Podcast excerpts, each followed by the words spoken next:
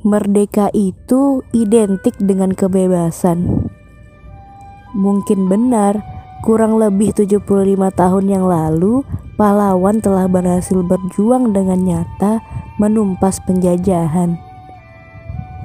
Hingga akhirnya kehidupan kini bisa dikatakan lumayan aman sebab tak perlu lagi was-was ke mana pun dengan bambu runcing di tangan. Tanah airku Tanah yang dulunya sangat subur dipenuhi dengan tanaman yang menjadi sandang dan pangan. Tanah yang sejatinya telah banyak menghasilkan minyak dan tambang. Tanah surga yang kaya, habitatnya nutrisi dunia. Kini tanah airku sudah tua, sudah tak asri seperti dulu lagi, sebab ulah anthropogenic activities sibuk mengeksploitasi di saat yang lain sudah memikirkan untuk konservasi. Sibuk memikirkan keuntungan jangka pendek tanpa memikirkan dampak jangka panjang untuk anak cucu.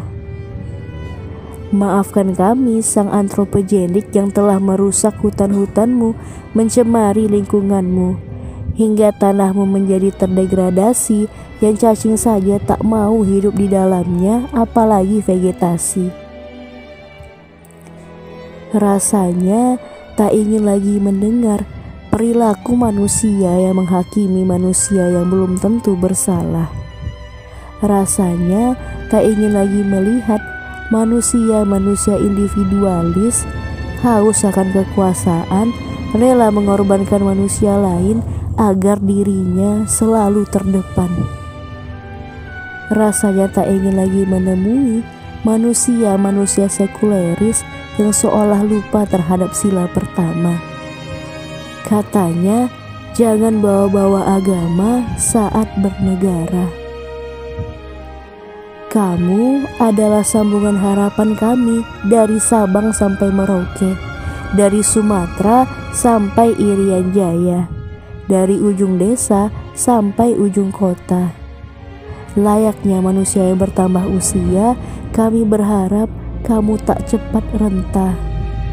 Sebab 75 tahun bukanlah waktu yang sebentar untuk kamu tetap bertahan. Bertahanlah untuk kami yang telah banyak menzolimimu. Selamat kembali merdeka. Dengan segala perbedaan, kami tetap bangga menamaimu Indonesia.